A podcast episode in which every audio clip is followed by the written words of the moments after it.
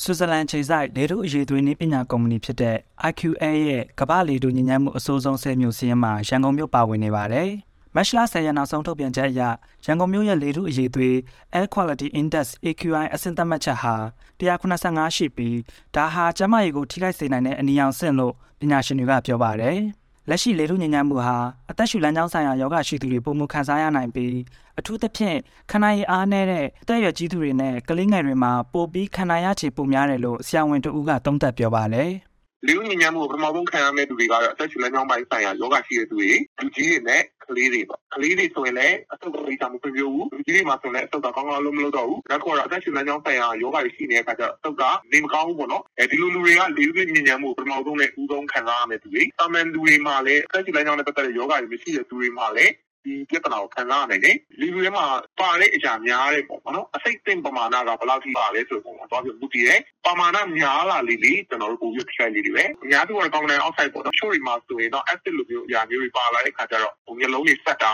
အလေကြောင်းတွေခြောက်ပြီးတော့ကိုယ်အပ်ကုန်တာဒီအသားတွေခြောက်ကုန်တာဒီလိုမျိုးတွေပါဖြစ်တတ်တယ်။လေထုညဉ့်ညမ်းမှုအဆင့်ကို6ဆင့်သတ်မှတ်ပြီးကောင်းမွန်တဲ့အဆင့်အစိမ်းရောင်အလဲလက်အဆင့်အဝါရောင်နဲ့ ခန္ဓာရင်ထဲပါသူတွေကိုထိခိုက်တဲ့အဆင့်လင်မော်ရောင်ကျန်းမာရေးကိုထိခိုက်တဲ့အဆင့်အနီရောင်ကျန်းမာရေးကိုအလွန်ထိခိုက်တဲ့အဆင့်ခရမ်းရောင်နဲ့အနည်းရရှိတဲ့အဆင့်အညိုရောင်ဆိုပြီးသတ်မှတ်ကြပါတယ်။ရန်ကုန်မြို့ရဲ့လေထုအရေးသွေးဟာ PM 2.5အနီရောင်အဆင့်မှာရှိနေပြီးပြည်သူတွေရဲ့ကျန်းမာရေးကိုထိခိုက်စေနိုင်ပါတယ်။လေထုညဉ့်ညမ်းမှုတံကိုကာကွယ်ဖို့ဆိုရင်အတက်နိုင်ဆုံးအိမ်ထဲမှာနေဖို့အပြင်သွားရင် mask တပ်ဖို့နဲ့တဦးချင်းလေထုညဉ့်ညမ်းမှုဖြစ်စေတဲ့အပြုအမူတွေရှော့ချဖို့ပညာရှင်တွေကပြောပါတယ်ဘယ် လူကာဝင်မလဲဆိုရင်တော့တက်နိုင်သမျှတော့အိမ်ထဲမှာပဲနေတာကတော့အကောင်းဆုံးပဲနောက်တစ်ခုကကျတော့အဲကုန်းကဒီတန်းစင်စနစ်တွေပါတယ်အပြင်မှာနေတော့ကျွန်တော်တို့အထူးသဖြင့်ဒီရန်ဆိုင်နေတဲ့အချိန်လေးပါတယ်ပြင်ထွက်မယ်ကိုယ်စိတ်ထဲမှာအသက်ရှူကခက်တယ်ဆိုရင်ဒီလိုမျိုးတော့ကဒီအချိန်မှာဒီတောင်းနေတဲ့ခါခဏကိုကဒီတက်လူအနေနဲ့ခတ်တိုင်းအသက်ရှူလည်းကြောင့်ဆိုင်ရောဂါတွေဒီလိုဖြစ်ပါတယ်အိမ်မှာတော့ခုနက air filtration system နဲ့ humidifier လို့ထားထားနိုင်တော့ကောင်းတယ်မနေ့ပိုင်းနေထဲမှာဘာလို့တအားလေးလူ